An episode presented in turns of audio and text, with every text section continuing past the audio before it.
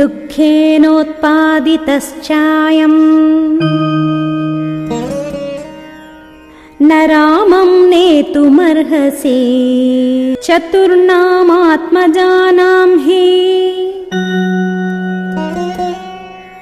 प्रीतिः परमिका